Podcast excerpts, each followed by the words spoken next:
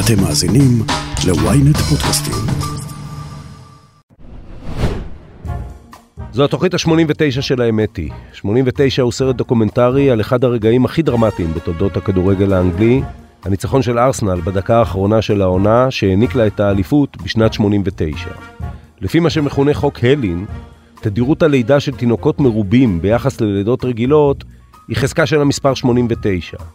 אחת ל-89 לידות ייוולדו תאומים, אחת ל-89 בריבוע לידות תיוולד שלישייה וכן הלאה. כביש 89 חוצה את ארצות הברית לאורכה מאריזונה לפארק ילוסטון ומשם עד לגבול הקנדי. national geographic כינה אותו כביש הנהיגה מספר אחת בעולם. אם אתם שומעים את הפודקאסט הזה באוטו, יש לי ספק גדול אם זה מה שאתם חושבים על הכביש שבו אתם נמצאים עכשיו, אז בואו נתחיל. האמת היא, עם עופר שלח. עם עופר שלח. אסתכן בנבואה שברורה כבר חודשים לכל מי שעיניו בראשו, וקצת מכיר את בנימין נתניהו. המהפכה המשפטית מתה. אולי יעבור איזה שמץ צחוק מתישהו, אני בספק גם על זה, אבל המכלול השלם שהיה אמור לשנות סדרי עולם בישראל, לא יקום ולא יהיה. אפשר לנתח למה, התשובה שלי היא חמדנות, יוהרה וסכלות של מי שהוציא אותה לאוויר העולם כמו שהוציא, אבל זה פחות חשוב. דווקא עכשיו, כשהמחאה המצליחה ביותר בתולדות ישראל השיגה את מטרתה הראשונית, יש ערך לשיחה שקולה עם מישהו שלפחות על פי מה שהוא כותב ואומר, מאמין בצורך העמוק בשינוי. דווקא עכשיו, כשברור שהמאבק יימשך, כי המהפכה המשפטית אף פעם לא הייתה הסיפור פה, צריך לדבר עליה. דוקטור יהודה יפרח הוא ראש הדסק המשפטי של מקור ראשון ודוקטור לפילוסופיה יהודית. למי שקורא את מאמריו, ברור באיזה צד של הוויכוח הוא נמצא, ודווקא עכשיו, כשברור שמה שיפרח ואנשים שחושבים כמוהו בדרך לתבוסה פוליטית, יש ערך רב לשמוע אותו. יהודה יפרח, שלום. שלום, שלום. בפתיח לשיחה שלנו אני אומר שלדעתי, כמי שמסתכל על זה ויש לו גם ניסיון פוליטי מסוים, מה שקרוי המהפכה המשפטית אה, מתה. אתה מקבל את ההערכה הזאת? כן ולא. אין ספק שמבחינה פוליטית היא ספגה תבוסה ניצחת אה, משמעותית מאוד, אה, בטח בהצבעה, גם באופן כללי בשבועות האחרונים, ביתר שאת בהצבעה על נציג, נציגי הכנסת בוועדה לבחירת שופטים, אבל אני חושב שמוקדם מדי להספיד אותה, יכול להיות שבפורמט הזה היא מתה, אבל אני חושב שהאנרגיות ש... שהובילו אליה רק התעצמו והיא תחזור באיזושהי ורסיה כזאת או אחרת. עוד uh, נגיע לאיך היא תחזור ואיך לטעמך כמובן היא צריכה לחזור.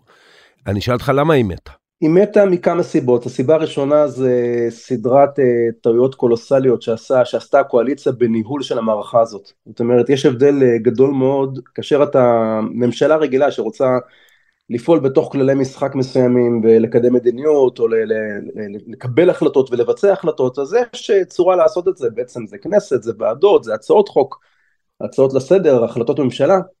כאשר אתה רוצה לגעת בכללי המשחק, לא במשחק עצמו אלא בכללי המשחק, בצורה שבה משחקים את המשחק, אתה חייב היערכות אחרת, היערכות שונה. הפרוסס הוא דרמטי בדבר כזה. אתה צריך משהו שיש בו הרבה יותר שיתוף ציבור, הרבה יותר שיחה רחבה, תהליך יותר מתון, אה, תהליך שבעצם יש בו איזשהו גם שמיעה של כל הקולות, אני ככה לוקח אה, בהשאלה כל מיני מושגים אה, מהמשפט המנהלי, שהחלטה מנהלית דורשת סוג של שימוע ולשקול שיקולים ראויים והכל, וכל הפרוסס הזה לא נעשה. אתה אגב, אתה אגב מכיסך העיתונאי, דרשת, ביקשת שהוא יעשה כשהתהליך הזה התחיל? לגמרי לגמרי, היו לי הרבה מאוד שיחות עם מקבלי החלטות, אני אמרתי להם, אני גם הזהרתי אותם, אמרתי להם אם אתם לא תעשו פרוסס, אם לא יהיה כאן תהליך עמוק ומשמעותי, אתם תיפלו פעמיים. אתם לא תצליחו, את, אתם למעשה גם, גם תיפלו, גם תנחלו תבוסה פוליטית כי לא תצליחו להעביר את מה שאתם עוברים, וגם תייצרו כזה דם רע שאפילו לאחר מכן דברים מינוריים ומשמעותיים, רמת החשדנות תעלה לכאלה רמות, שגם דברים פשוטים לא תצליחו להעביר, ואני חושב שלצערי הרב שני נבואות החורבן הללו התממשו, גם uh, תבוסה רצינית מאוד של הימין כרגע בלהעביר את מה שהוא רצה להעביר וגם מה שאנחנו רואים לדוגמה מסביב לבחירת נציגי הקואליציה לוועדה בחירת שופטים או אפילו מסביב לתיקוני חקיקה שקשורים ל...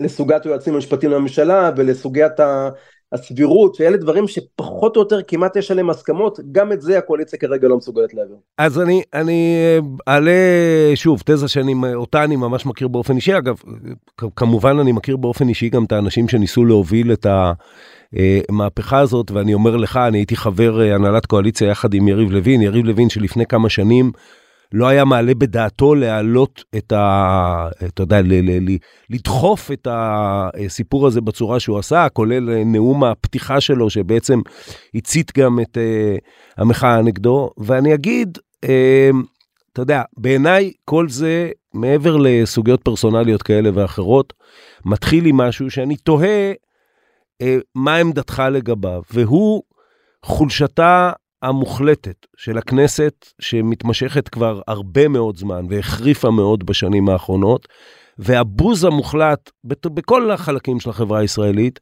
בדיוק לפרוצדורה שאתה מדבר עליה כפרוצדורה שבה עושים חוק. אתה, אתה מקבל את מה שאני אומר?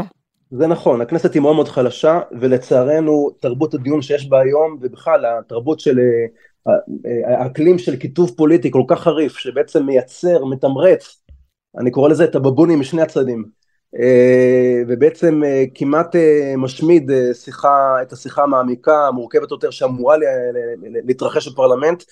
השילוב של כל הדברים הם באמת עושה שמות בעבודה של הכנסת, אבל זה הרבה מעבר לזה. בוא, בוא, אני רוצה שנייה כן לגעת ברפורמה המשפטית. כן. אני חושב שאחת השגיאות הגדולות מאוד של השמאל, של המרכז-שמאל, זה לא להקשיב ולא להבין את הכאב העצום שהוביל לרפורמה. זאת אומרת, אה, כשאתה רואה הרבה מאוד דוברים, כאילו גם דוברים פוליטיים, גם דוברים במערכת המשפטית, הם לגמרי אוטמים אוזניהם ועוצמים עיניהם מלראות את ה... מלהבין את הכאב, מלהבין מה הוביל לרפורמה המשפטית הזאת, להבין מה קרה בתחום, אה, בעולמות הפרדת הרשויות וב, ובעצם במוטת כנפיו של אה, בג"ץ במדינת ישראל, ובכלל להבין את הבעיה. עכשיו, כאשר אתה לא מבין את הבעיה ולא מבין את הכאב, ולא מצליח לייצר איזושהי אמפתיה לסבל שהכאב הזה מייצר אצל חלקים נרחבים מאוד מהחברה הישראלית, אז ממילא כל שינוי בכללי המשחק הוא נראה בעיניך קפריזי, חסר טעם, אלים, תוקפני, איזשהו ניסיון אה, להחריב את הדמוקרטיה. ובהקשר הזה, אני כן עכשיו חוזר לפרוסס, כי אחד הדברים המעניינים שקרו בעצם ממש ממש ממש בתחילת התהליך, זה היה אה, פורום הדיקנים למשפטים, שזכיתי להיות חבר בו, את הפורום הזה יזם אה, פרופסור ידידה שטרן אה, באוניברסיטת בר אילן, המכון אה, למדיניות העם היהודי, והוא התחיל בעצם הכינוס של הפורום הזה, הפורום הזה כולל רוב, רובם המוחלט של המשתתפים זה בעצם פרופסורים למשפטים עם התמחות במשפט חוקתי שהיו דיקנים למשפטים בפקולטות המובילות בארץ. וכאשר פרופסור שטרן כינס את הפורום הזה, וזה היה ממש באמצע החורף, זה היה כשעוד לא התחילו הדיבורים הראשונים על הרפורמה המשפטית, אף אחד עוד לא עשה כלום, לא היו הפגנות, לא היה שום דבר, ואמר פרופסור שטרן, אני רואה, אני רואה את הדבר הזה בא, הוא נפגש איתי, אמר לי, תקשיב, אני רואה את הדבר הזה בא, זה מתקרב, בואו ננסה אנחנו, אני רוצה לאסוף פרופסורים שהם אנשים, רובם אנשי אה, מרכז שמאל, רובם מוחלט, אני למעשה הייתי אולי איש הימין היחיד ב, ב, ב, אה, בפורום הזה, ו... אבל זה אנשים שבעצם מסוגלים לראות מורכבות, הם לא, הם לא דיכוטומיים, הם לא אנשי שחור לבן, הם לא אנשי קצה. ואלה אנשים שמסוגלים, הם מצד אחד יש להם הזדהות עמוקה עם ערכי הדמוקרטיה הליברלית ועם מערכת המשפט הישראלית והכל, ומצד שני מסוגלים לזהות פגמים, לזהות כשלים בתפקוד וגם להציע פתרונות. הפורום הזה התכנס בתנאי פנימייה באזור, בהרי ירושלים וישב באמת עד שיצא העשן לבן ולקח את כל הפרקים של הרפורמה אחד אחד ועל כל פרק ישבנו שעות על שעות עם הצעות, עם משפט משווה, עם רעיונות, עם תרחישי ייחוס ובעצם נוצ... ולאט לאט אחרי uh, בסופה של uh, עבודה מתמשכת נוצרה איזושהי הצעה לרפורמה, איזושהי הצעה בעצם לשינויים שהשינויים הללו מצד אחד הם uh, מגבירים, המטרה שלהם זה להגדיל את המשילות של הממשלה והכנסת לחזק את הרשויות, אה, להתמודד עם בעיית האקטיביזם השיפוטי, ומצד שני לשמור מכל משמר על ערכים של זכויות אדם, על ערכים של ליברלים, על ערכים דמוקרטיים, לשמור על הקווים האדומים. עכשיו יצאה איזושהי הצעה. עכשיו, מה שהיה מרתק זה שאני אני מצאתי את עצמי יושב שעות על שעות בחדר עם אנשים שבהזדהות הפוליטית... תרשה לי, תרשה לי לקטוע אותך, כי מדי פעם אני מתערב פה בשיחה, וגם אה, אה, די ברור לאן דבריך מובילים, ולהגיד לך, ואני לא מתכוון להיות ציני, אבל זה יישמע ציני מה שאני אומר. לפוליטיקאים הקיימים, ופה אין הבדל בין אה, הצדדים של המחלוקת הפוליטית. פורומים כמו הפורום הזה, זה במקרה הטוב אידיוטים שימושיים. במקרה הטוב. אתה לוקח, את, ויצא לי להיות משני צידי השולחן הזה, כי הייתי בפורומים די הרבה בימי חיי. אתה לוקח משם את מה שאתה רוצה, אתה מתעלה, אתה מגייס משם אנשים כדי שיהיו פרונט למה שאתה רוצה, ובסוף המחשבה התמימה במובן החיובי, והחיובית מאוד, שאומרת, אם ישבו אנשים, וגם אנשים שיש להם בקיאות בחומר, ויגיעו להסכמה ביניהם בחדר, אז המחוקק או מקבל ההחלטות ייקח את זה ויהפוך את זה למשהו שמקובל על הכלל. במדינת ישראל, בתרבות הישראלית, בפוליטיקה הישראלית, אני לא יודע מתי היא כן הייתה קיימת, היא בטח לא קיימת היום. התשובה היא שאני חושב שזה יותר מורכב. עכשיו, אני, מה, מה, מה הלקח בסוף? בסופו של דבר הייתה איזושהי הצעה, ההצעה הזאת הונחה בפני מקבלי החלטות, הונחה גם בפני נשיא המדינה שפרס את חסותו על הפורום הזה, ואיך זה נגמר בסוף כולם יודעים, לצערנו זה לא צלח, אבל בעצם אני לוקח משם כמה דברים, כמה נקודות שמבחינתי הם לקחים. לקח אחד זה שכאשר אתה אה, מדבר עם מומחי משפט הגונים מכל הצדדים, יש כמעט, מאוד, כמעט תמימות דעים ביחס לבעיות, ויש הסכמה של 90 אחוז ביחס לפתרונות. 85-90 אחוז ביחס לפתרונות. מסכים. זאת אומרת, רוב אנשי המשפט ההגונים, גם אם הזהות הפוליטית שלהם זה זהות של מרכז שמאל, מבינים שיש בעיה בצורה שבה מתנהל בג"ץ כיום. שהמצב הוא בעייתי ויש ליקויים שצריך לתקן. מבינים שיש דברים לא הגיוניים שקורים פה. ומצד שני הם מבינים שהמערכת היא מורכבת, שהאיזון כאן זה לא בין טוב לבין רע, אלא בין ערכים מתנגשים, אתה רוצה לשמור גם על זכויות אדם, גם לתת כוח לבג"ץ במקומות שבהם הוא צריך להתערב, וגם מצד שני לאפשר לממשלה לתפקד ולכנסת לתפקד ול... ולקבוע גבולות, אתה רוצה שיהיה כאן, שיהיה איזשהו אה, עיגון... אבל יהודה, המערכת, הפול... המערכת הפוליטית אה, לא מתנהגת ככה, מה, מה שאתה אומר, אה, תראה, אנחנו הפכנו את הפוליטיקה, ואגב זו תופעה שהיא לא רק ב... במדינת ישראל, ל-100% פוליטיקה של זהויות. ואנחנו כבר מזמן לא מסתכלים על המערכת הפוליטית כמקום שבו אנשים סבירים ייכנסו לחדר כשלכל אחד יש אידיאולוגיה ולפעמים אפילו אידיאולוגיה אה, שמנוגדת זה לזה באופן אה, מאוד מהותי, אבל יצאו מתוך הבנה שבסוף צריך לנהל פה את החיים ויש פה אה, זירה ציבורית שצריכה להתנהל, יצאו עם איזה משהו שהוא סביר לשני הצדדים. אנחנו לא רוצים את זה, ושוב אני אומר, זה נכון לכולם, אנחנו רוצים ללכת מכות. בעולם שבו רוצים ללכת מכות, אנשים כמוך ופורומים כמו הפורום המצוין הזה שאתה מזכיר, לא יכולים להעיל בכלום. אז בוא נדבר על זה, בוא נדבר על זה, כי אני, המהלך הזה של פורום דקנים, זה, נדמה לי, אקרא בפני הזדמנות אה, של לשבת עשרות שעות עם מקבלי החלטות, גם מימין וגם משמאל. כן. יצא לי הרבה מאוד שעות לשבת עם פוליטיקאים. עכשיו, כשאני יושב עם פוליטיקאים ומנהל דיון ענייני, אני יושב עם פוליטיקאים עם אלה שהובילו את הרפורמה המשפטית מצד הימין, וגם עם אלה שבעצם הובילו את ההתנגדות שלה, התנגדות אליה מצד, אה, מצד שמאל, בסוף אני יושב איתם לסעיף סעיף, אתה יודע, פה יש fine-tuning, כאן יש איזה תת סעיף שיש עליו ויכוח, כאן יש איזשהו עיקרון שאומרים, אני זה אני כן, זה אני לא מקבל, אני יכול להציע משהו אחר, אבל עסק מתכנס. אנחנו, היה איזה רגע שהעברתי מסר לבית הנשיא, ואמר, והעברתי, המסר לנשיא היה, יש, לנו, יש לי 94 אחוז של הסכמות. אבל יודע, אתה לא יודע שאנשים לא באו לבית הנשיא בשביל להסכים? זה לא ברור. אני מכיר את האנשים שישבו בבית הנשיא, נדמה לי כמעט את כולם. אני הייתי בקשר, אני אומר לך, אה, אה, לא מעטים מהם, כולל האנשים שהובילו את הדיון הזה, התייעצו איתי לא מעט. כל השיחות האלה מגיעות בסוף לקיר, שבו מה שקרה פה באמת, זה שהחלקים השונים, ההשקפות השונות בתוך החברה הישראלית, מצאו זירה לריב בה, הם לא מצאו זירה כדי לעסוק בנושא שבו נגיד באמת, עם כל חשיבותו, החיים הישראלים התנהלו לא רע, גם בלי לפתור אותו, של באמת האיזון בין הרשויות, ששוב אני אומר, בעיניי הבעיה הכי גדולה בו זה, זה אה, חולשתה של הכנסת, אבל לא ניכנס לד... כרגע לדיון הענייני. אתה באת למקום שאנשים רוצים ללכת אה, אגרוף, ואמרת להם, אוקיי, אה, תשימו מפיות ותאכלו ביחד באופן מנומס ארוחת ערב. זה לא עובד. לצערי כן, אבל בוא, אני, אני רוצה גם לגעת באיזושהי דוגמה שבאמת מבחינתי הייתה איזשהו פיקחון וגם כאב מאוד מאוד גדול. זה לראות את מה שקורה בוועדת חוקה, אני, אני נמצא בוועדת חוקה, אני נמצא שם באיזשהו דיון, יש שם צרחות אימים, ואתה רואה שכל השחקנים בחדר הגדול הזה הם בכלל, הם לא, הם לא מתעניינים אחד בשני ולא במסרים, הם אה, קורצים בחצי עין למצלמות שפרוסות, המצלמות הללו כל הזמן יוצאות החוצה, קטעים מהם עולים לרשתות החברתיות, לטוויטר, לפייסבוק וכאלה, ופושטים כאש בשדה קוצים, אלה מתדלקים את המחאה אה, בקפלן, ואלה מצד שני את הפגנת המיליון, ובעצם כולם מדברים לאיזשהו בייס ממשי או מדומיין, ומצד שני אותם אנשים, אותם אנשים בדיוק, שמשחקים את, את, את, את, אה, משחקים בהצגה הזאת בחדר, אתה יושב איתם שע, שעתיים אחרי זה בלשכה שלהם, ושואל אותם שאלות על הם מדברים אחרת לגמרי. למה הם עושים את זה? הם הרי לא מטומטמים, והם, והם לא רשעים, רובם. למה הם עושים את זה? עכשיו למה הם עושים את זה? א' אני מסכים איתך שפוליטיקת הזויות, אני מסתכל דוגמה, אתה יודע, בוא ניקח דוגמא את מה שקרה אתמול בכנסת. אנחנו כרגע נמצאים יום אחד אחרי הבחירות לנציגי הכנסת לוועדת בחירת שופטים, שזה היה פארסה לכל הכיוונים.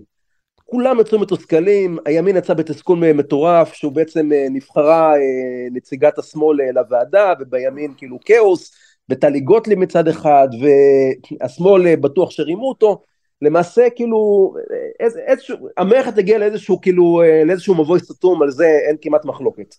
עכשיו בעצם מה קורה שם בתוך הדבר הזה? יש את הדיון הענייני שמתרחש על, ה... על בעצם הוועדה העתידית לבחירת שופטים, איזה שינויים יהיו בה, האם יישארו בה נציגי לשכת עורכי הדין, לא יישארו בה, איזה סוג של רוב אפשר לבחור שופטים לערכאות הנמוכות ולבית המשפט העליון, יש הרבה מאוד שאלות כבדות. ויש את uh, חיי השעה, שחיי השעה זה בעצם כרגע בחירת, ה... בחירת הנציגים לוועדה, הקודם, לוועדה הקרובה. המצב הוא כז... כל כך נפיץ, והצורך ב...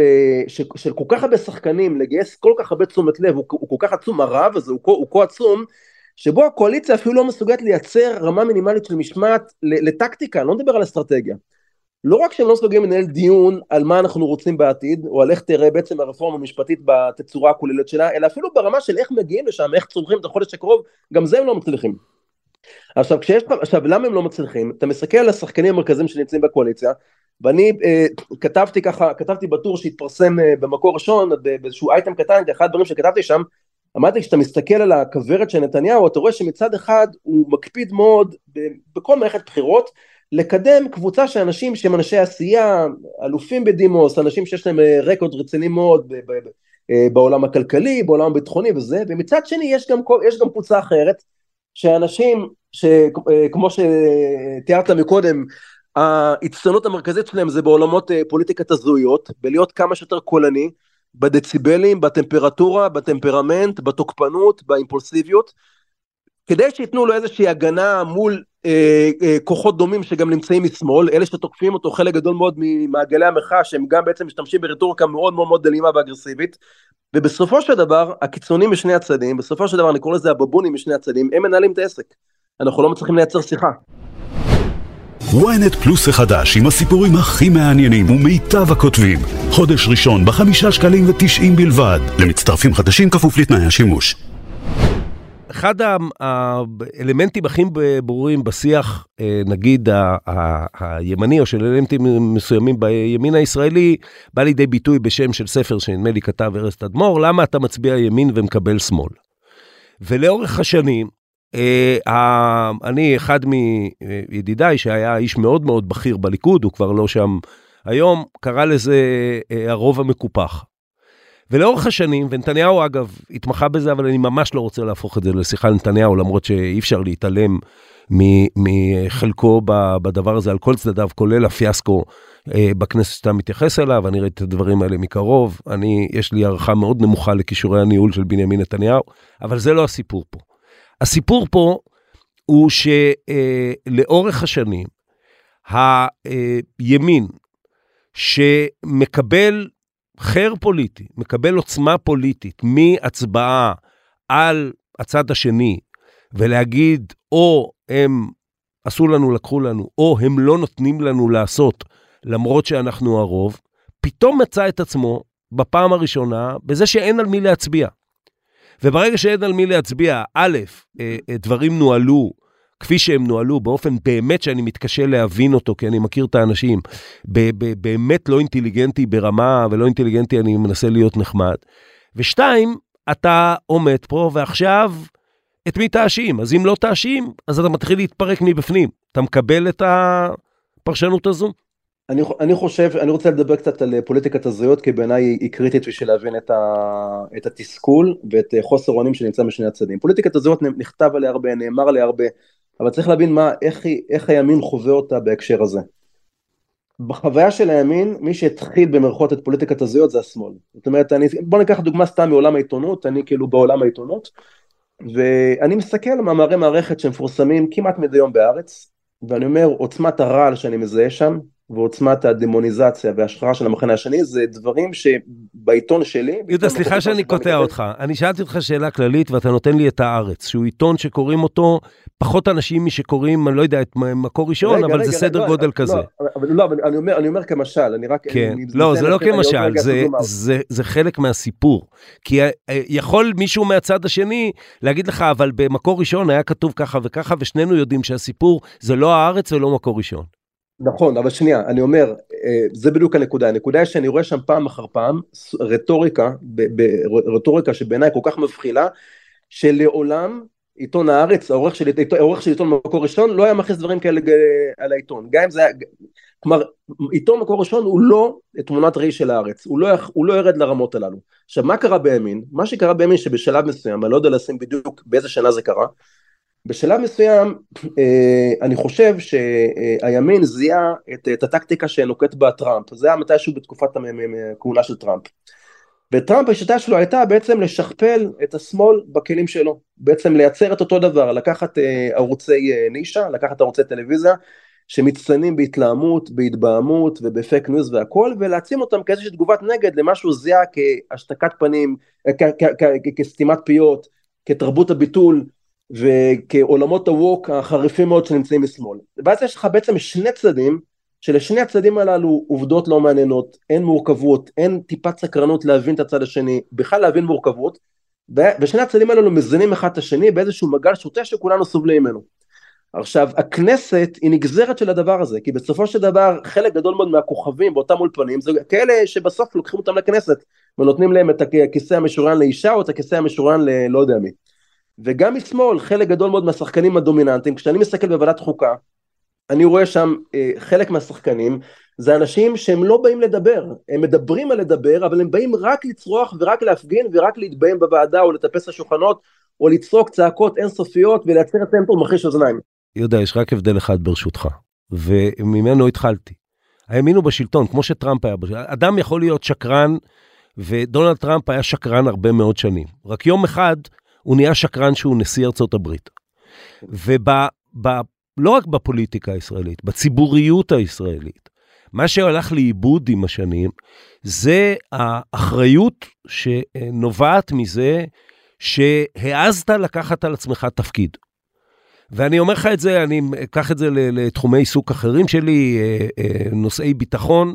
היום, וזה כבר הרבה זמן, אה, חברי קבינט במדינת ישראל לא חושבים שתפקידם הוא להיות חברי קבינט. אני יכול לתת איזו הרצאה ארוכה ומייגעת, אבל אני יכול להגיד לך שפעם היה ויכוח אפילו על זה ביני ובין יעקב עמידרור, כשהוא עמד בראש איזושהי ועדה שמינה ראש הממשלה לבחינת אה, אה, תפקוד הקבינט, ועמידרור הסביר לי בשיחה על, על המסקנות שנגזרות מזה שלחברי הקבינט יש שיקולים פוליטיים. ואני אמרתי לו, מאה אחוז, יכול להיות שיש להם, או, או צרכים פוליטיים. אמרתי לו, גם לי יש צרכים פוליטיים.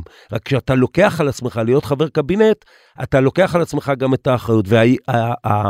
ובממשלה הנוכחית, אבל זה כבר הרבה זמן וזה לפני הממשלה הנוכחית. בפוליטיקה הישראלית, מה שהלך לאיבוד זה הערך הבסיסי שאומר, לי יש אחריות, ועכשיו הימין לא יכול להצביע לא על עיתון הארץ ולא על איזה, איזה חבר כנסת מהשמאל, כי מה לעשות, הוא בשלטון. זה לא מקובל עליך? א', אני מסכים איתך. אני חושב שהאחריות היא אחריות מלאה, אני חושב שמי שנמצא בשלטון, יש עליו אחריות בעצם אתה יודע, זה כמו, אני אה, רוכב אופנוע, אופנוע שטח בסופי שבוע. עכשיו, אני לא רוכב הרבה בכביש, אבל מדי פעם אני צריך להגיע לשטח דרך הכביש, ואני יודע שבתור רוכב אופנוע, האחריות שלי היא לא רק על הנהיגה שלי, אלא גם על כל ה, אה, אלה שנוהגים מסביבי, והעיניים שלהם בטלפון הנייד, והם סוטים ככה משמאל לימין, אני בעצם אחראי גם על הטעויות של כולם. כי הטעויות של כולם התגלגלו אליי. זאת אומרת, אם אני לא הבחנתי באיזשהו נהג ששקוע בטלפון שלו וסוטה בנתיב, בסוף אני זה שיעוף מהכביש. נכון. עכשיו, זה, זה, עכשיו, זה, זה, זה התפקיד של השלטון, הוא להיות שלטון של כולם וגם לספוג את הטעויות של כולם. עכשיו, אנחנו כולנו יודעים ששלטון במערכת דמוקרטית, בטח במערכת דמוקרטית כל כך מורכבת כמו החברה הישראלית, כמו המערכת הדמוקרטית הישראלית, הוא לא רק ממשלה וכנסת, הוא לא רק אצבעות. אני חושב שדווקא מה שראינו, אה, אה, כשאני מסתכל על, על תנועת המחאה וההתגייסות הכוללת שהיה בה הרבה מאוד מרכיבים שבעיניי היו אנטי דמוקרטיים, היסטריים, ברוטליים, חלקם היו באמת, באו מתוך כאב אותנטי ועמוק, מתוך איזושהי תחושה שיש כאן באמת איום על יסודות המשטר שלנו, אבל חלקם היו באמת אה, ציניים, בתוך חציית קווים אדומים, תוך בעצם פגיעה חמורה בביטחון הלאומי, ואני, ואני מתייחס לסרבנות של הטייסים. ו... אבל אני אומר, אנחנו מבינים ששלטון הוא הרבה יותר מורכב מאשר אצבעות בכנסת. זאת אומרת, גורמי הכוח שפועלים במדינה, וגורמי ההשפעה, וכשאתה מדבר על תאגידים גדולים ועל הפגנות ועל יכולת להשבית את המשק ועל כל מיני סוגים לחצ... ולחצים חיצוניים ופנימיים, שלטון זה עסק מאוד מאוד מורכב. כלומר, נכון, העובדה שאתה יושב נכון. בראשות הממשלה, או שיש לך אה, אצבע בכנסת או בממשלה, היא עדיין לא אומרת, לא רק שאתה יכול לעשות כל מה שאתה רוצה, אלא גם שאתה, היא עדיין לא אומרת שאתה יכול לעשות מה שהחוק מאפשר לך לעשות. מה שהחוק מרשה לך לעשות, גם את זה הרבה פעמים אתה לא יכול לעשות. עכשיו, אה, בדיוק אתמול הייתה לי שיחה עם, איזושהי, עם איזשהו יושב ראש דירקטוריון מאוד מאוד בכיר באחד המוסדות הלאומיים, הוא אומר לי חצי שנה אני לא מסוגל לזוז, כלומר חצי שנה אני לא עושה כלום כי אני מסונדל. לפעמים יש לך את הכוח הפורמלי, אבל הכוח הזה מרוקן. כן. לפעמים אתה מלך, אבל אתה מלך אנגליה. עכשיו מלך אנגליה הוא מלך, אתה יודע, הוא מונרך, הוא יושב בראש, הוא בראש מדינה, הוא המלך של המדינה. שם זה מובנה לתוך השיטה, אני, אני מבין את הרעיון, הדוגמה היא, היא קצת פחות טובה. רוקנות הכוח, כן. יש התרוקנות, הרבה פעמים הכוח מתרוקן, כלומר בעצם נשאר התפקיד, נשאר המעמד, אבל המעמד הזה רוקן מכוח. עכשיו לפעמים הוא רוקן בצורה פורמלית, כמו בריטניה שרוקנה את הכוח של בית המלוכה שלה, והשאירה אותו סמלי וטקסי, לפעמים ברמה פורמלית הוא נשאר, אבל בעצם הוא מרוקן ברמה... לא, לפעמים אבל גם יש לך את הכוח, לפעמים אבל יש לך את הכוח, אבל התנהגת גם בחוסר אחריות וגם, אם תסלח לי, כמו טמבל. אה, אבל, אבל אה, בוא, אז בוא, בוא נתקדם בזה ונדון קצת בדברים עצמם. אני לא רוצה, מבקש ממך, אני אגב כ, כהכנה ל... לשיחה הזאת, בין השאר גם שמעתי אה, שיחה שלך עם פרופסור אהרון ברק. אני לא רוצה, עשו לי או, או ההוא עשה. אני רוצה את, ה, את החזון של איך מתנהלים היחסים בין הרשויות במדינת ישראל, ואת הרציונל שלו על פי יהודה יפרח. אוקיי, okay, בואו, אז אולי באמת נתחיל במונטסקיה ומדיסון. ג'יימס מדיסון ומונטסקיה, שבעצם שניהם דיברו על אה, סוגיית הפרדת הרשויות. אנחנו מבינים, יש לנו אה, בדמוקרטיה, יש לנו כל מיני שאלות שאנחנו שואלים, הדמוקרטיה בעצם איזשהו ניסיון אה, להכיל כמה אינטרסים וצרכים עמוקים שונים ומנוגדים שיש לנו. מצד אחד דמוקרטיה זה שלטון עצמי, כלומר שלטון העם על עצמו, במקום שיש לנו מישהו חיצוני ששולט עלינו, אנחנו שול, שולטים על עצמנו, אנחנו בעצם אחראים לגורלנו ומסוגלים לקבל החלטות על עצמנו, ולכן שלטון הרוב בלעדיו אין דמוקרטיה. מצד שני אנחנו רוצים לשמור על זכויות פרט, אנחנו רוצים שהרוב הזה לא ידרוס את המיעוט ויאפשר לו בעצם חירויות ויאפשר לו כזאת החופש ויאפשר לו בעצם להגדיר את עצמו בעצמו. מצד שלישי, אנחנו, עכשיו, יש הרבה מאוד שאלות איך לעשות, איך לעשות את הדבר הזה. נכון. אז uh, השיטה של אפלטון היה למנות uh, שליטים צדיקים, שליטים יראי שמיים, שליטים שבעצם הערכים, הנהלים שלהם... עזוב, עזוב אותי מאפלטון, אני נתלה באילנות גבוהים ממנו. בוא נדבר על יהודה יפרח. אז בואו נדבר עכשיו על המצב שלנו. אנחנו, כן. אני חושב שהמסקנה שאליה הגיעה בעצם, אני חושב שרוב המערכת הפוליטית היום תמימת דעים, שהפרדת הרשויות בישראל נמצאת במצב לא טוב. זאת אומרת, בגלל חולשה של הכנסת, בגלל חולשה של הממשלה, או בגלל אינסוף, אינסוף כשלים שנעשו, יש לנו בעיה ממשית של אקטיביזם שיפוטי, שהאקטיביזם השיפוטי הזה הוא פוגע במשילות. עכשיו אני יכול לתת עשרות דוגמאות, ויש לנו גם אקטיביזם שיפוטי וגם אקטיביזם ייעוצי. בעצם יש לנו, בעצם שאלה אחת זה היחס שבין הכנסת לממשלה לבין בית המשפט העליון, וסוגיה שנייה זה בין הכנסת לממשלה לבין הייעוץ המשפטי לממשלה.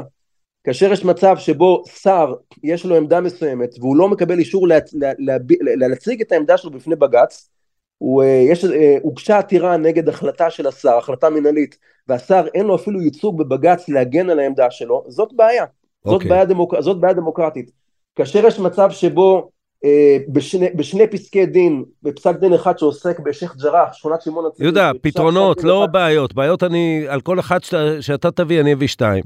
פתרונות. אז לא, עכשיו הפתרונות, אני חושב שחוק יסוד חקיקה הוא חוק קריטי.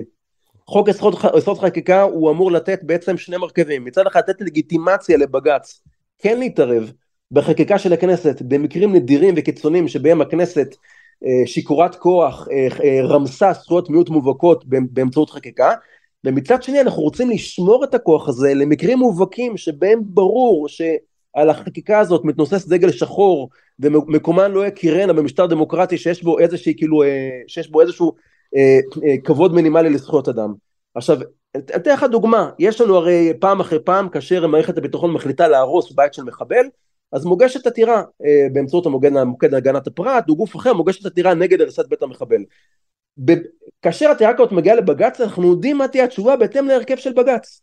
אנחנו יודעים, אני יודע שאם השופט זה, הזה יישב... מה שאתה אומר עכשיו הוא מאוד מאוד לא מדויק, אבל אני לא רוצה להיכנס פה לוויכוח עובדתי. ואני, ואני, ואני אטען מולך שמערכת המשפט היא גם המגן החיצוני של אה, פעולותיה של ישראל בשטחים, הוא, הוא, הוא מצד שני גם אה, המכשירה של אה, אה, נורמות מסוימות שבסוף מגיעות גם לתוך החברה הישראלית, אבל, אבל זה לא, זה, זה לא, ויכוח, לא, אבל, אבל תן... זה ויכוח נהדר בינינו על ערכים. נכון. כן. לא, אבל תן רגע להתמקד, תן רגע להתמקד כן. דווקא בדוגמה הזאת. כי כן. בדוגמה הזאת של הריסת בתי מחבלים, אז אתה יודע שאם זה, אם רות רונן או... או, או מני מזוז, שהוא כבר לא באיזה, יושבים בהרכב, אתה יודע שהתשובה תהיה קבלת העתירה ובעצם דחיית העמדה של מערכת הביטחון. ואתה יודע שאם יהיו שופטים אחרים, אם תהיה הנשיאה חיות ו... וסולברג, אתה יודע שבעצם העתירה תידחה והבית ייהרס. עכשיו בעיניי לא יעלה על הדעת, עכשיו בשיחות עם הנשיאה חיות היא אומרת בצורה מפורשת אין הלכה חדשה, לא רק זה, בפסקי דין שבהם היא כתבה, היא אומרת אין הלכה חדשה ובית משפט זה מכבד את עמדת מערכת הביטחון ומאשר ככלל הריסת בתי מחבלים. כן. עכשיו אם בית המשפט המדיניות שלו שהיא לאשר הריסת בתי מחבלים לא יעלה על הדעת שה, שהתשובה לעתירה ספציפית תהיה תלויה בזהות האישית של השופט. בשופט הזה זה יהיה X, בשופט הזה זה יהיה Y. אלה המקרים שבהם ברור לנו שהמחלוקת בבג"ץ היא לא מחלוקת בין בני אור לבין בין, בין בני חושך, אלא לא, מחלוקת... לא, אבל אנחנו מנסים, יהודה, אנחנו מנסים להסדיר את השיטה, כי בני אדם אנחנו כנראה לא יכולים לשנות. ואתה, האם אתה אומר אה, בגורף, על החלטה מינהלית לא תוכל להיות אה, ביקורת של בית המשפט? לא, ממש לא, ממש לא. אני חושב אלא. שבעצם כאשר מדברים, כאשר מדברים בעצם על הפרדת רשויות, וכאשר מדברים גם, עכשיו, אומנם כאן זה לא, זה לא החקיקה, כאן זה מדובר, זה, זה, זה, זה, זה תקנה צבאית, אבל לא משנה, לא כן. ניכנס ל... בדיוק לדיוק המשפטי, אבל כאשר מדברים על הפרדת רשויות, אז אתה בעצם רוצה לייצר מנגנון שהמהות שלו היא נורא נורא פשוטה. המהות שלו זה שנושאים שהליבה שלהם היא ליבה ציבורית, היא שאלה של אפיון המרחב הציבורי, זהות ציבורית או מדיניות ציבורית, הנושאים האלה יהיו מסורים לפוליטיקה. ונושאים שליבת הזהות שלהם, הלב העמוק שלהם, זה זכויות אדם טהורות, הם יהיו נתונים לבית המשפט. אבל כשהפוליטיקה נסבת רוב רובה סביב המחלוקת, אתה יודע, איפה אנחנו על, ה, על המתח בין יהודית ודמוקרטית? מה זה בכלל היצור הזה שבנינו פה במשך 75 אה, שנה? כל נושא ציבורי, או הרבה מאוד נושאים ציבוריים, הם גם נושאים של זהות. הם, הם, לא, אז זהו, בנושא זהות, אני חושב שדווקא הכנסת צריכה, לה... זה, זה המקום שבו הריבון צריך להחליט. בנושא של זהות, הריבון צריך להחליט. בנושא של זכויות פרט, שם בית המשפט צריך להיות מילה אחרונה. אני אתן לך דוגמה מובהקת שבעיניי הדוגמה הכי הכי טובה. כן. והדוגמה הכי טובה זה חוק הגיוס, ולא רק חוק הגיוס, מה אמר עמית בעצמו על אה, עתירות חוק הגיוס. כן. חוק הגיוס בגלגולים השונים שלו כבר עשרות שנים, למעלה משלושים שנה נמצא בבג"ץ. בג"ץ מאז ועד היום, מאז שהוא התחיל לעסוק בעתירה הראשונה של יהודה רסלר, של עורך הדין יהודה רסלר, כן. לא הצליח לגייס אפילו חרדי אחד אה, לצה"ל בעקבות איזושהי שינוי, בעקבות... אה, בג"ץ לא צריך בעקבות, אה, לגייס, בג"ץ לא, אני רק מתקן אותך, בג"ץ לא צריך לגייס ולו חרדי אחד. נכון, עכשיו רגע, כן. בחוק הזה בוא ננסה לראות מהי הדילמה המשפטית והמוסרית הבסיסית שעומדת בה. בעצם כן. מה השאלה המשפטית שעומדת בה? כן. השאלה היא נורא נורא פשוטה. יש כאן את הרוב, הרוב, רוב החבר... כאשר הכנסת, רוב הכנסת מקבלת את חוק. חוק הגיוס, אז הרוב בא ואומר, אני הרוב מוותר על הזכויות שלי לטובת המיעוט, אז יש לי זכות לשוויון, יש לי זכות שכולם, שיהיה חלוקה ש... שווה בנטל. עכשיו אני אומר לך, אני בתור מ"פ מילואים, כאילו, כמובן הזכות הזאת חשובה לי מאוד, אני פעם, פעם אחרי פעם לפני תעסוקות מבצעיות יש לי קושי למלא את השורות, כי זה קשה מאוד בעומס גדול, אז ברור שלנו כרוב יש לנו זכות לשוויון, ואנחנו הרוב מוותרים על הזכות הזאת, אנחנו, הרוב מוותר על הזכות שלו לטובת המיעוט, כדי, מכל מיני סיבות, או כי אנחנו רוצים שהם, אה, שהם אה, יצאו מוקדם לשוק העבודה, או בגלל שאנחנו רוצים פשוט שקט פוליטי, שיתמכו בנו בתקציב, או מכל מיני סיבות. אבל בעצם מה שעומד כאן זה לא זכויות המיעוט, אלא מה שעומד כאן זה זכויות הרוב. ובעצם לעומק מה שעומד כאן זה בעצם זה הצביון של החברה הישראלית. האם אני עכשיו כן כופה כור היתוך וכן איזשהו שוויון בחובות, אני כן לוקח את בן גוריון המיתולוגי וזה ובא ואומר אני עכשיו רוצה איזשהו תשתית רוחבית ישראלית שתחייב את כולם, שכל הער... גם הערבים יהיו חייבים בשירות אזרחי. יהודה, סליחה, סליחה ש... שוב, שאני קוטע אותך, אתה, אתה אה, פשוט נכנס להסברים ארוכים. יש לי פה, יש לי את, נדמה לי טיפה יתרון עליך, אני לא רק אה, גם מ"פ במילואים, אני גם עשיתי חוק גיוס בידיים. ואני אומר לך, ו- ולמדתי כשעשיתי אותו, אה, את אה, הפסיקות של אה, בג"ץ בעניין בשום שכל, כשה... לא יודע אם שום שכל, אבל לפחות בקפדנות. כשהפסיקות שהיו רלוונטיות אז, הן שתי הפסיקות מ-2007 ו-2012 בעניין חוק טל. וכדי לתמצת את זה ולהחזיר אותנו לעניין המרכזי שאנחנו עוסקים בו, בית המשפט אמר דבר כזה, ברור שיש פגיעה בשוויון, היא, היא ברורה על פניה. אתם רשאים הכנסת, זאת אומרת, אני לא מאשר לכם, אבל אני מקבל את זה שהכנסת יכולה לחוקק את הפגיעה כזאת מטעמים שהם אה, טעמים תכליתיים. ולא עמדתם, ואגב, לא עמדתם כי המערכת לא עמדה, ומי שלא מגייס חרדים זה המערכת, לא, ה, לא בית המשפט, אה, כי המערכת לא עמדה אה, ב, ב, בתכליות, והוא מוציא על זה כרטיס צהוב ב-2007 וב-2012, וב-2012 הוא אומר, אה, לא רק שהוא, והוא שם בעצם לא מאשר להאריך הוראת שעה, הוא לא מבטל את החוק, החוק בטל מאליו. אבל הוא אומר, לא, לא תאריכו, מפני שגם על הפגיעה המאוד ברורה בערכים, הוספתם גם חוסר תועלת. בית המשפט לא אשם בשום צורה במחדל המתמשך הקרוי חוק הגיוס. ואני אוסיף על זה עוד דבר. כשחוק אה, גיוס שאני הייתי מעורב בו ב-2014, היה בדיון, אפרופו הפרוצדורה שדיברת עליה קודם, חצי שנה בממשלה ושמונה חודשים בכנסת. הכנסת אה, אה, של 2015, שביטלה אותו, דנה בזה 12 שעות. אני חושב שבית המשפט, ותגיד לי אם אני טועה, כשהוא רואה חוק כזה שדנו בו 12 שעות, זה גם צריך להיות שיקול מכריע במה שהוא אומר, לא? אז אני, תרשה לי לחלוק עליך, אני רוצה כן. לטעון טענה שהיא לכאורה נשמעת יותר רדיקלית והרבה יותר פשוטה. כן. אני רוצה לטעון שנושא כזה הוא בכלל לא שפיט. זה נושא שנמצא בלב עיצוב הזהות של החברה הישראלית, והרוב הוא סוברנטי להחליט שהוא מוותר לחרדים בסוגיה הזאת בגלל כל מיני שיקולים שלו. הנושא הזה הוא לא שפיט, זה לא נושא של זכויות פרט. זה לא נושא של פגיעה באזרח הקטן על ידי השלטון הדורסני. דרך אגב, לא רק אני חושב את זה, אתה יודע מי עוד חשב את זה? Mm-hmm. השופט המנוח שמגר. הרי ב... הייתה הצעה של חוקה בהסכמה שמי שקידם אותה כזכור היה המכון הישראלי לדמוקרטיה לפני בערך כעשור. כן. והיה מרכיב בתוך ההצעה הזאת, אחד המרכיבים היה ששמגר תמך בו, שבעצם ייקבעו נושאים שהם לא שפיטים בכלל, נושאים שבהם הלב הוא שאלה של, שאלה של זהות, שאלה של עיצוב מדיניות, לא שאלה של זכויות פרט, ואחד הנושאים שנקבעו כלא שפיטים היה נושא של גיוס, okay. גיוס אוקיי. לצה"ל. Okay. אוקיי. זאת אומרת, אני נתלה בלונות גבוהים, אני חושב שזה בדיוק, כשאני מדבר על הפרדת רשויות, זה בדיוק האירוע שבעיניי, עכשיו דרך אגב, אנחנו שילמנו מחיר יקר מאוד על חוק הגיוס, ממשלות נפלו, כאוס שלטוני, ואקום שלטוני, תקציבים שלא עברו, הרי ממשלה שלמה נפלה רק בגלל חוק הגיוס. מדינת ישראל הפסידה מיליארדים. איזו, איזו ממשלה נפלה על חוק הגיוס? תזכיר לי. אתה יודע, כל ממשלה עכשיו אנחנו נוכל עכשיו יהיה אפשר... לא, לא, תזכיר לי איזה ממשלה נפלה על חוק הגיוס, כי אני חושב שחוק הגיוס הוא, הוא אה, אחד התירוצים הפוליטיים המשעשעים, בגלל שהוא נופל בליבה של מלחמת הזהויות, ושני הצדדים חושבים שהם ירוויחו מזה. אף ממשלה שאני מכיר לא נפלה על חוק. לכן אני יכול להסכים איתך שלפעמים זה תירוץ. כן, כן. אבל אני רוצה להוריד את התירוץ, אני רוצה שהתירוץ הזה ירד מהשולחן. אני כן. רוצה גם לא רק זה, אני רוצה, אני רוצה שבג"ץ, אני, אני אני אגיד לך משהו, אני איש ימין מובהק, ימין מלא מלא, או איך שלא תקרא לזה, כן. ועדיין יש לי אינטרס דמוקרטי יהודי שבג"ץ ייהנה מהרבה יותר אמון, ציבור, אמון של הציבור, אני רוצה שבג"ץ יהיה חזק. אני רוצה שכאשר בג"ץ אה, נותן פסק דין, פסק דין הזה יתקבל ללא עוררין, ויהיה ברור שמכבדים לא אותו. יהיה, לא יהיה דבר כזה, יהודה. אתה יודע שלא יהיה דבר כזה. מפני שגיוס החרדים, אם כבר העלית אותו, שהוא סוגיה מצוינת בזה, הוא כבר מזמן לא נושא מעשי. הוא גיוס, הח... הדבר הכי נורא לציבור הכללי, או ציבור המתגייס, או איך שתקרא לו, יהיה אם חס וחלילה יגייסו את כל החרדים. אז על מה יריבו? הבעיה היא על... כן. שאנחנו מטילים לפתחו של, ובזה אני רוצה גם להתכנס לקראת סיום. אנחנו מטילים לפתחו של בית המשפט, ואין לו ברירה אלא לעסוק בזה, כי זה בא לפתחו. והניסיונות הטכניים למנוע את זה שזה בא לפתחו, רק הופכים את סוגיית בית המשפט לעוד ואולי המובילה היום, אה, הסוגיות המובילות בקרב הזהותי במדינת ישראל, מפני שאנחנו לא מסוגלים כחברה לנהל עם עצמנו דיאלוג ראוי, אנחנו לא מסוגלים כחברה להגיד, אלה הכללים ואנחנו משחקים לפיהם, ואנחנו הגענו למצב שבו החברה הישראלית, וזה מה שיוצא באירועים האחרונים, שאני חושב אגב שאולי תתפלא בשיחה שלא נעשה אותה עכשיו, למידת ההסכמה שיש לי איתך על חלק מהמאפיינים שלהם. אה, מה שיצא זה שהפלגים אה, אה, השונים של חברה הישראלית, כמו שאמרתי קודם, רוצים לריב.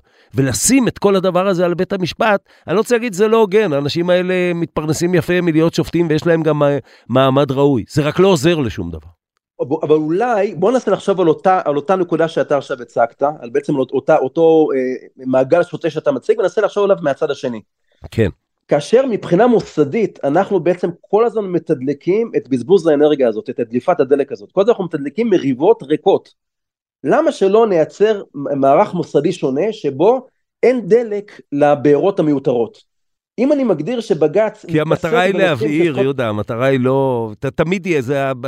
אם אתה מכיר את הבדיחה הישנה עם השפן, הסיגריה והפילטר, תמיד אפשר יהיה לבוא בטענות על משהו ולמצוא סיבה לריב. אבל אני חושב, ש, אני חושב שאם, אני חושב שאם אם, אם אנחנו נפחית רעשים, ואם אנחנו נגדיר מראש, ואנחנו בעצם נתחם את אה, גבולות הגזרה של בג"ץ ואת התחומים שבהם הוא יכול להתערב, ושם דווקא נעצים את הכוח שלו לפסול חוקים. אבל מצד שני, אה, נוציא אותו החוצה מהסוגות שבהם אנחנו צריכים בשיחה פוליטית לפתור בינינו, אולי יש סיכוי שהשיחה הפוליטית תעלה על פסים ראויים. כרגע יש הרבה מאוד רעשי רקע, וכרגע הפרדת הרשויות היא לא טובה.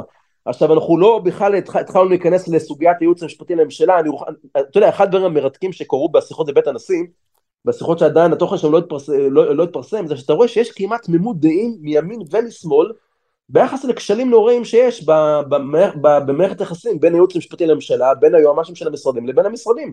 כולם מבינים שמה שקורה שם כרגע לא הגיוני. כי כל מי שעסק בשלטון במדינת ישראל, ואני אומר לך את זה בעצמי, ראה את זה בעיניים. זה אגב לא נובע מהשקפות, זה נובע מפחדנות של פוליטיקאים וביורוקרטיזציה של המערכת.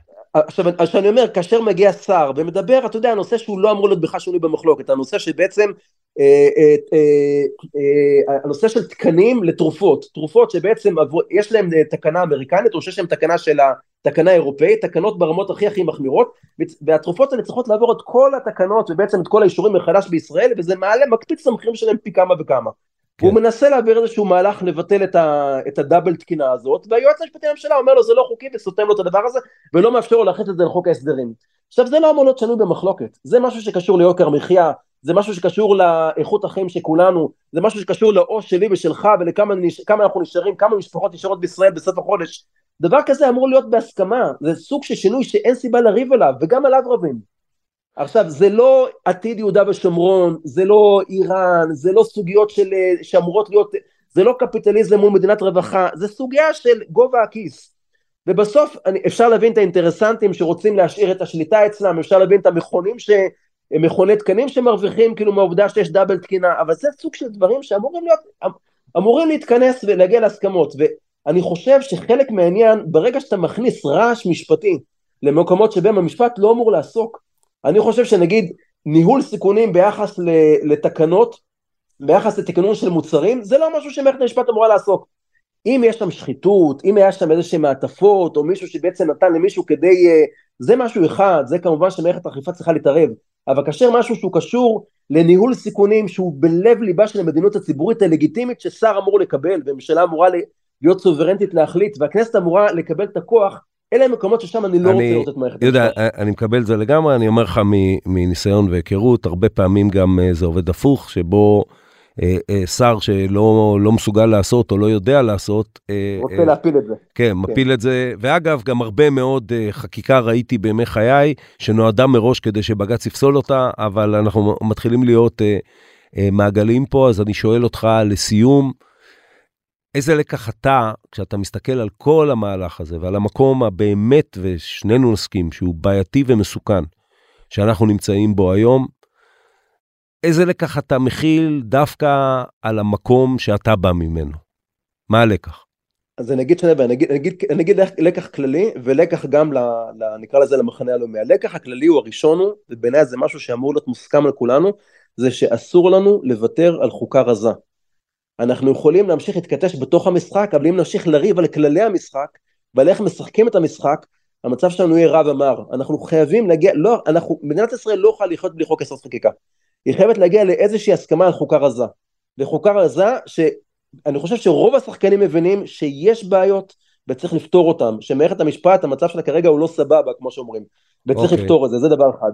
דבר שני זה לימין, ובעצם הלקח, ואני גם פעם אחרי פעם בטורים שלי אומר את זה, דרך ארוכה היא קצרה, בדרך קצרה היא ארוכה, כמו שאומרת המשנה במסכת אבות. יש דרך קצרה שהיא ארוכה ודרך ארוכה שהיא קצרה. הניסיון להשיג הישגים בקיצור טווחים, בקפיצת הדרך, במעקף של תהליכים, הוא ניסיון שמתנקם בנו פעמיים. הוא גם מוריד את האמון של הציבור בפעולות שעושה הממשלה, הוא גם בסוף מפיל את התהליכים עצמם, הוא גם אה, מכניס המון המון רעש לשיחה ומקשה לנו לשכנע גם בדברים שהם טריוויאליים והגיוניים. אנחנו חייבים טיפה יותר אורך נשימה, אה, להיגמל מפוליטיקת הזויות, לנסות כמה שיותר לצמצם אותה, לא לתגמל, לא לתגמל את השחקנים הפוליטיים שכל מה שיש להם לנופף זה רק פוליטיקת זויות, יותר לנסות לא להתייאש מהשיחה העמוקה ולהאמין שאנחנו מסוגלים לשנות באמצעות תהליכים אמיתיים, באמצעות פרוסס, באמצעות תהליך שהוא רציונלי, שהוא הגיוני, שהוא פונה גם ללב וגם לרגש וגם לשכל ולהגיון של כל השחקנים ומסוגל להתקבל. כי באמת באמת באמת יש לנו הסכמות על רוב התהליכים על, על רוב השונים הנדרשים ואין סיבה שזה לא יקרה. עכשיו אני חושב שמהימין אני מבין כשאני מסתכל כרגע על התגובות בימין על מה שקרה אתמול בכנסת אני רואה שני סוגים של תגובות. רוב התגובות ברשתות החברתיות זה בואו ניכנס בהם יותר חזק. ניסינו בהידברות זה לא עובד בואו בוא נגביר את הדציבלים. אני חושב שהלקח צריך להיות הפוך. בואו נעבוד חכם בואו נעבוד כאילו בצורה אמיתית, כי יש לנו, יש לנו אמירה שהיא נכונה, יש לנו כאילו ערכים שאנחנו רוצים לקדם אותם, אנחנו מאמינים בהם, בואו נעשה את זה בצורה חכמה שבאמת זה גם יוכל לעבוד. אמן ואמן, יהודה יפרח, תודה רבה. תודה וכל טוב. עד כאן עוד פרק של האמת היא. אתם מוזמנים לעקוב אחרינו בוויינט רדיו, באפליקציה בנייד, ברכב, או איפה שאתם שומעים את הפודקאסטים שלכם. אם זה קורה באפל או ספוטיפיי, אתם מוזמנים גם לדרג אותנו. בצוות גיא סלם ועמיתי אלוני, אני עופר שלח, להתראות.